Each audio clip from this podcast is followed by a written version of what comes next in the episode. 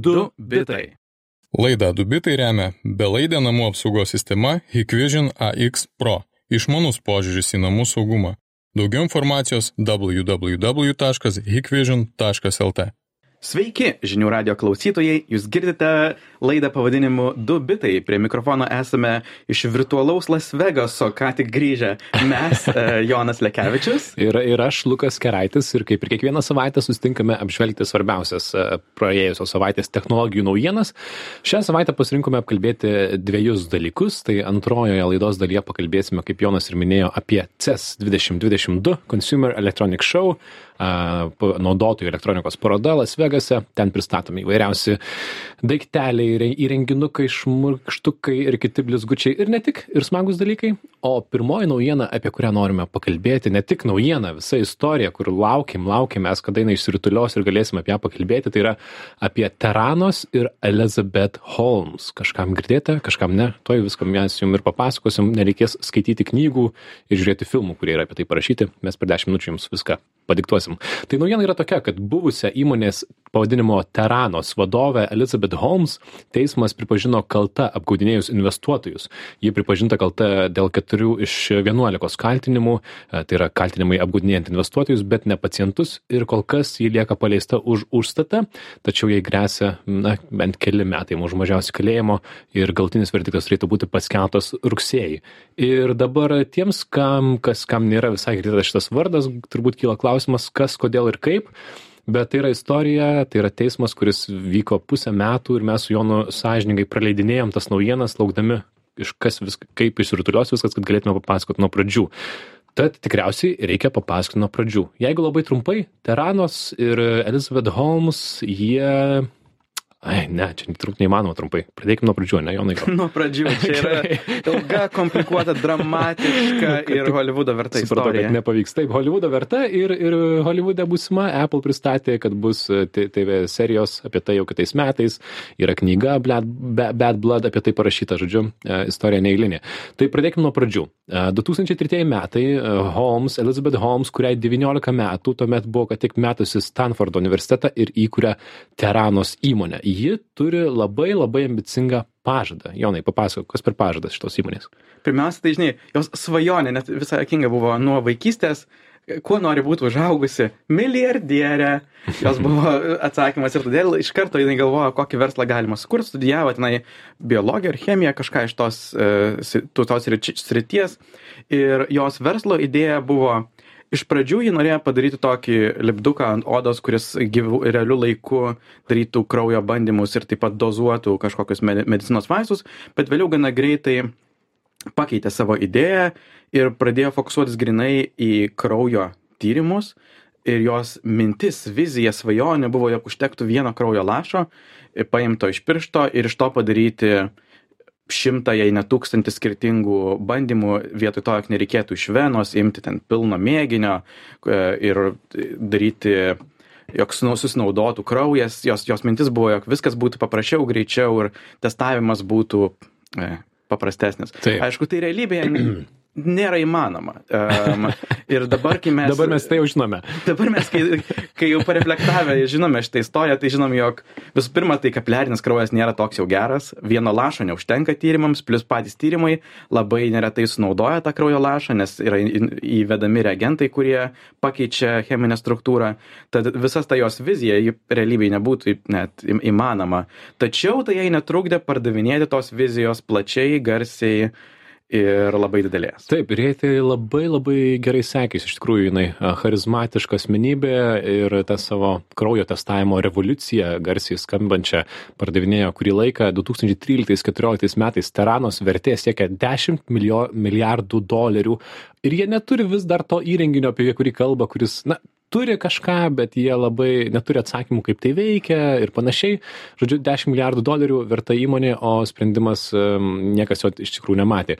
15 metais jį tampa jauniausia self-made, tai yra pati uždirbta moterimi, kuri pati už, uždirbo milijardą dolerių, tai yra milijardierė. Vaikystės svajonė išsipildė. Taip, ir e, 2015 metais viskas pasisuka prastyn, Ji nors jinai vadinama yra būsimuoju Steve Jobsu, 2015 metais The Wall Street Journal pras, pradeda savo straipsnių seriją, kuriuose kritiškai pažiūri į šitą visą Teranos pažadą ir po dar po keliarių metų, 18 metais, Junktinių valstybių vertybinių popierių ir biržų komisija pareiškė kaltinimus, neva, kad tai, ką daro, tai, ką daro Teranos, yra iš tikrųjų investuotojų apgaudinėjimas ir jie visą tai yra tiesiog apgavystė ir 18 metais e, rugsėjai įmonė žlunga, investuotojai praranda visus savo didelius pinigus.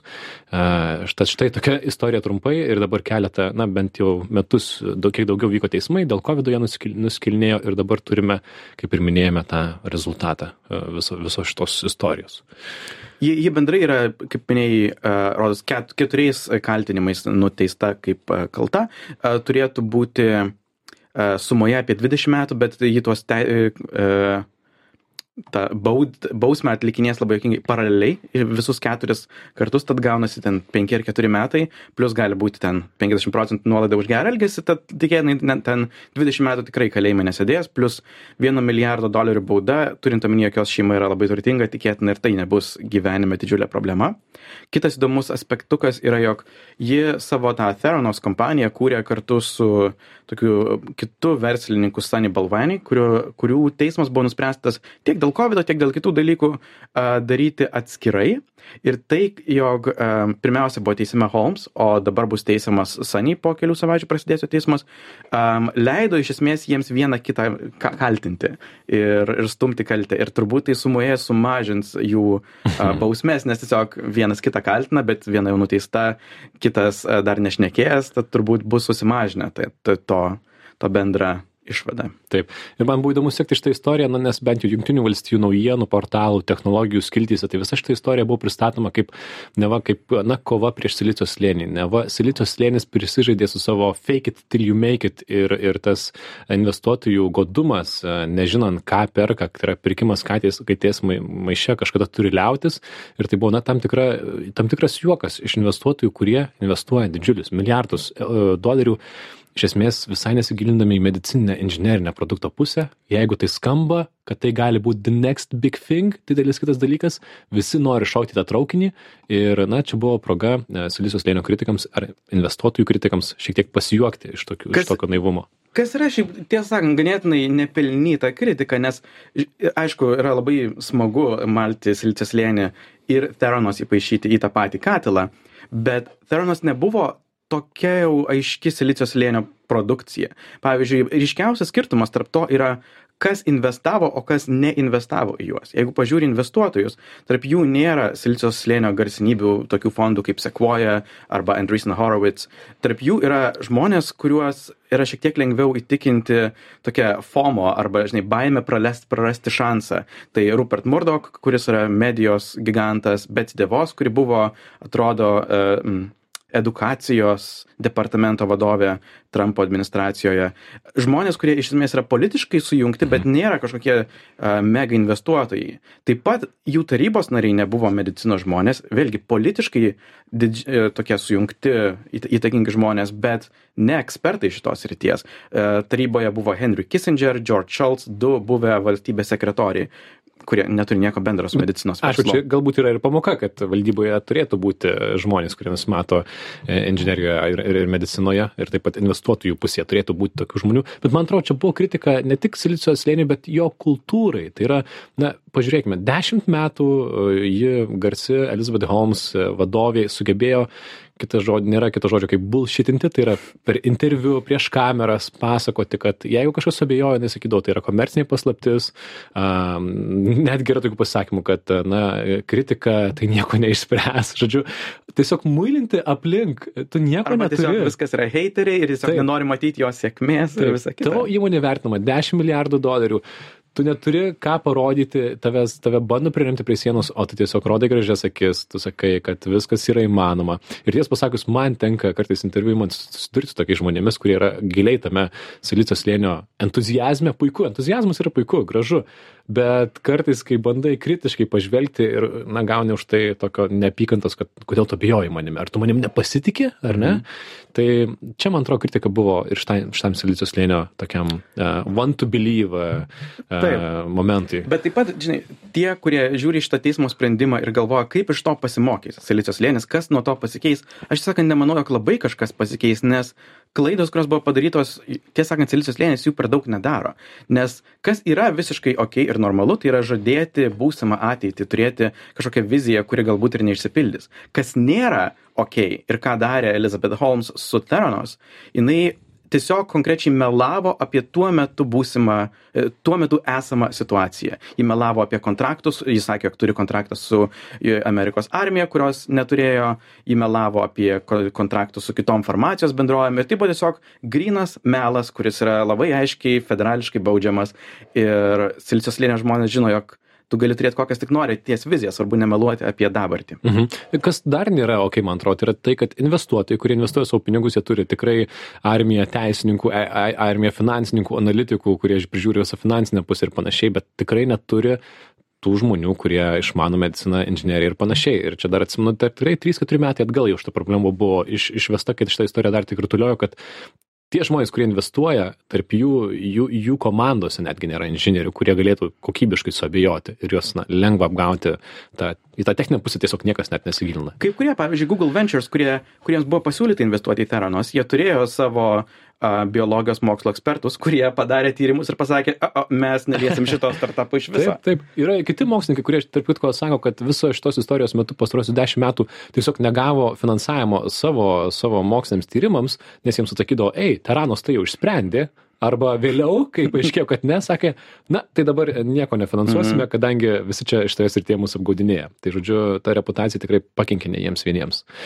Tad tokia, tokia tos istorijos pabaiga tam kartui. Kaip ir sakėme, galutinis verdiktas rugsėjai, tai tikriausiai bus skundžiamas dar teismo, teismo visą tas, bet, na, po metų bus galima pažiūrėti apie tai serialą, kurį ruošia Apple. Tai kam įdomu, e, taip pat yra knygos, yra keli dokumentiniai filmai apie tai, kas vis dar vyksta. Tad, žodžiu, pagaliau prisirašym pakalbėti ir mes. Ir e, žinių radio klausytėm priminsiu, kad laidoje e, du bitai kalbamės kaip visuomet su Jonu Lekevičiumi, aš Lukas Keraitis, kalbame apie technologijų naujienas, pakalbėjome apie Teranos įmonę ir Elizabeth Holmes teismo verdiktą, o antroji svarbi šios savaitės naujiena, tai be abejo, galima nuspėti, yra CES 2022 Consumer Electronic Show, naudotojų elektronikos paroda, kuri vyksta Las Vegase jau daug metų, nuo 64 berots, ir ten visada pristatomi visokie gražūs, keisti, juokingi ir, ir įdomus įrenginiai. Bendrai CS yra tokia specifinių industrijų naujienų pristatymo laikas, ypač kas tenai visą laiką kiekvienais metais pasirodo, tai yra naujos televizorių technologijos ir dažniausiai nauji nešiojami kompiuteriai, su tuo susiję procesoriai ir panašus dalykėliai.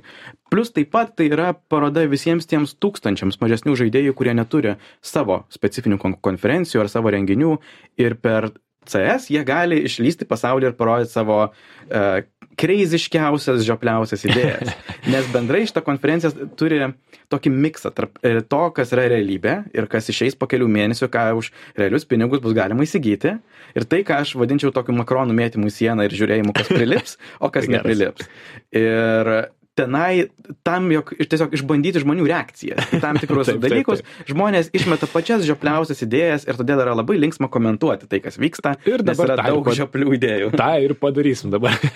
Iš tikrųjų, porą tų makaronų pagavo mano akį, aš tikrai paminėsiu kelias e, mielas smulkmenas, e, kad ir smulkmenas, bet tikrai smages. Tai, na, pirmiausia, kas pagavo visų akis tikrai ne mūsų, net ne mūsų jaunų, tai BMW pristatė e, iX spalvas keičiantį automobilį ir jisai labai gražiai iš tikrųjų iš juodos į baltą ir su pilku atspalviais gali keisti realiu laiku savo spalvą visą išorėje. Tam Naudoja man- elektroninio rašalo e, ekraną ant išorės, todėl yra tik tai juodai baltas, bet atrodo gerai. Taip, tikrai atrodo gerai. E, tai, tai tiek iš tikrųjų, atrodo labai gerai. Ir visų dėmesį pagavo. Ir dar kas įdomu, galbūt, kad tas automobilis XE360 SUV bus gaminamas be retųjų metalų gamyboje. Kuo smagu, kad automobilių gamintojai pradeda girtis. Iš automobilių temos John Deere pristatė autonominį traktorių 8 R. Jis bus parduodamas dar šiais metais, e, pasirodo. Ir ūkininkas gali visai net nebūti traktoriuje, palikti autonominį režimą ir, ir eiti daryti kitų reikalų. Ir šešios stereo kameros, viskas stebi aplinkui ir viskas vyksta nuotoliniu būdu. Šiaip daugiau gal reikia nekomentuoti, nes žemės ūkis jau ir taip yra labai automatizuotas. Man atrodo, jeigu kažkas su tuo susidūrė, sakytų, kad čia nėra nieko stebuklingo. Na, bet taip pat John Deere'as e, ruošia ir konceptinį traktorių AGCO, kuris iš vis, kuriam net nėra, kuriame net nėra vairuotojo kab- kabinos, viskas vyks visiškai autonomiškai. Tai smagi tokia smulkmena. Sony elektromobilį Sony Vision S02 pristatė, tai žodžiu, Sony taip pat šoka į elektromobilių rinką, bet e, nieko ten ypatingo. Toks primena pusiau Tesla, pusiau Citroeną, 40 sensorių viduje ir išorėje. Tai žodžiu, Sony elektromobilis taip pat kažkada greičiu, greitu metu bus. Čia kelios smulkmenos, mhm. Jonas turi svarbesnių naujienų iš tos Iš, iš to, aš, e, iš viso to, kas vyko visoje konferencijoje, aš sakyčiau, yra keletas tokių tikrai svarbių naujienų, e, kurios tikrai turbūt palies daug ką per ateinančius metus. Ir man pati svarbiausia, daug desnis toks trendas, tendencija, tai yra Matter protokolo išsivystimas visoje rinkoje. Taip, daiktų interneto protokolo Taip. galima taip pavadinti. Matter yra išmanių namų daiktų interneto protokolas. Um, jis yra rezultatas tokio um, Connected Home over IP arba Chip Alliance, kuris egzistavo kelis metus. Jame buvo Apple, Google ir Amazon, iš esmės pagrindiniai išmanių namų tokie jungimo žaidėjai, kurie pagaliau nusprendė, jog uh, reikia sutarti dėl vieno bendro standarto, nes iki šiol buvo chaosas tarp visokiausių um, radio ir kitokių st standartų tarp komunikavimo išmanių daiktų. Tai buvo, kas palaiko Wi-Fi ir dažniausiai nelabai saugų Wi-Fi, atidaro e, susijungimą su išorė ir potencialiai tavo namų tinklą galima patekti iš išorės. Bluetooth buvo specialūs protokolai kaip Z-Wave, Zigbee ir jie visi tarpusavį nebuvo labai gerai suderinami ir žmonės suprato, jog taip negalima vystyti visos rinkos, reikia sutarti dėl vieno standarto, kuris atitiktų Apple norą viską daryti saugiai, Amazon norą, jog vis, viską būtų įmanoma palaikyti gana pigiai ir tam sukūrė tai, ką pavadino Matter. Standartų, kuris veikia panašiau kaip Z-Wave arba Zigbee, tai yra, prietaisai tarpusavį sukuria tokį tinklą. Ne visi jungiasi prie vieno Wi-Fi taško, bet tarpusavyje komunikuoja, siuntinėja vienas kitam žinutes.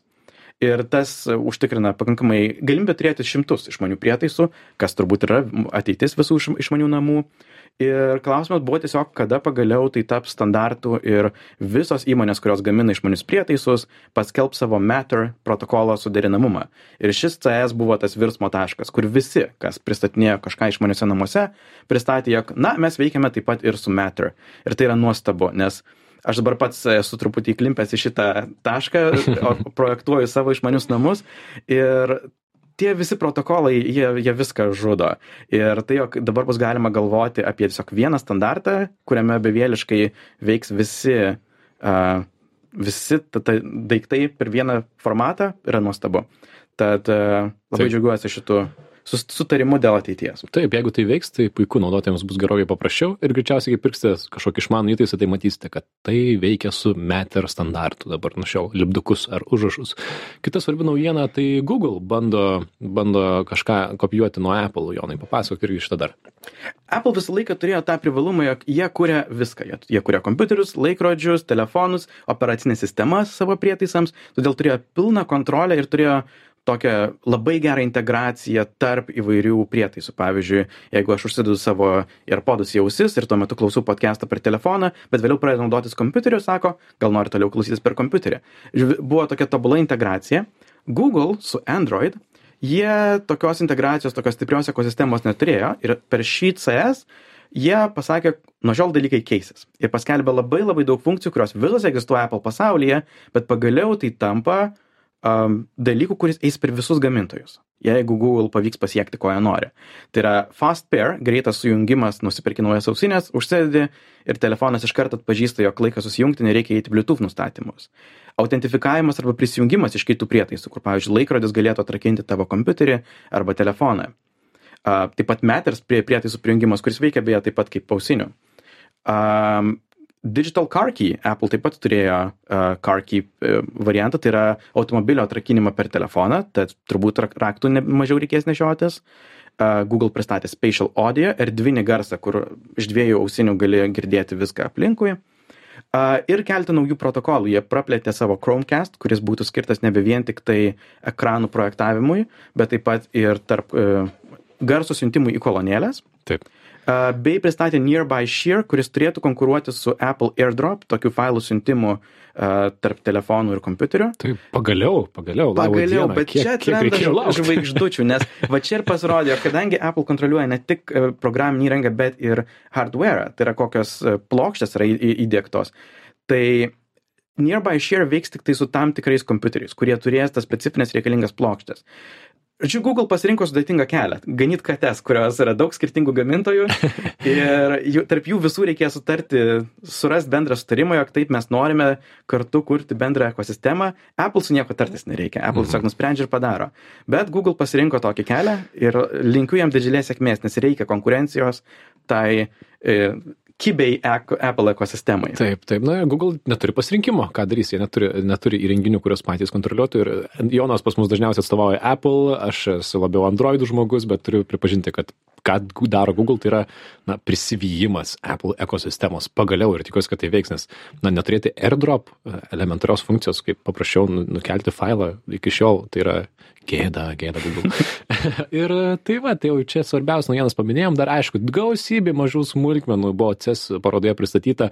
Man patiko Sengled išmani lemputė, kuri neva seks miego modelius, pulsą, kūno temperatūrą, galės suprasti, jeigu nukritai ir e, gavo netgi CES inovacijų apdovanojimą. Tačiau neaišku, nei kaip, nei kada tai veiks. Lemputė su integruotu radaru. Aš, Taip. aš, taip sakant, patikėsiu, kai pamatysiu, bet Taip. atrodo kosmiškai. Taip, dar visokių gražių dalykų. Pavyzdžiui, elektrinis sniego motociklas Moonbike. 3 valandos baterija, 26 mylios per valandą. Kodėl ne? Kodėl ne? Išmanus, uh, išmanus apykaklės uh, savo šunims, kurie, kurios nustato GPS signalą ir taip pat širdies ritmą. Man patiko uh, išmanus uh, šuns, uh, ne pavadėlis, antkaklis. Taip. Um, su integruotu GPS, bet taip pat gebėjimu matyti uh, širdies ritmą. Žmonės tą pavadino tokiu Apple Watch skirtų šunims. Galės nebe tik savo žingsnius ir ten širdies ritmą ir sveikatą sekti, bet ir savo šuns.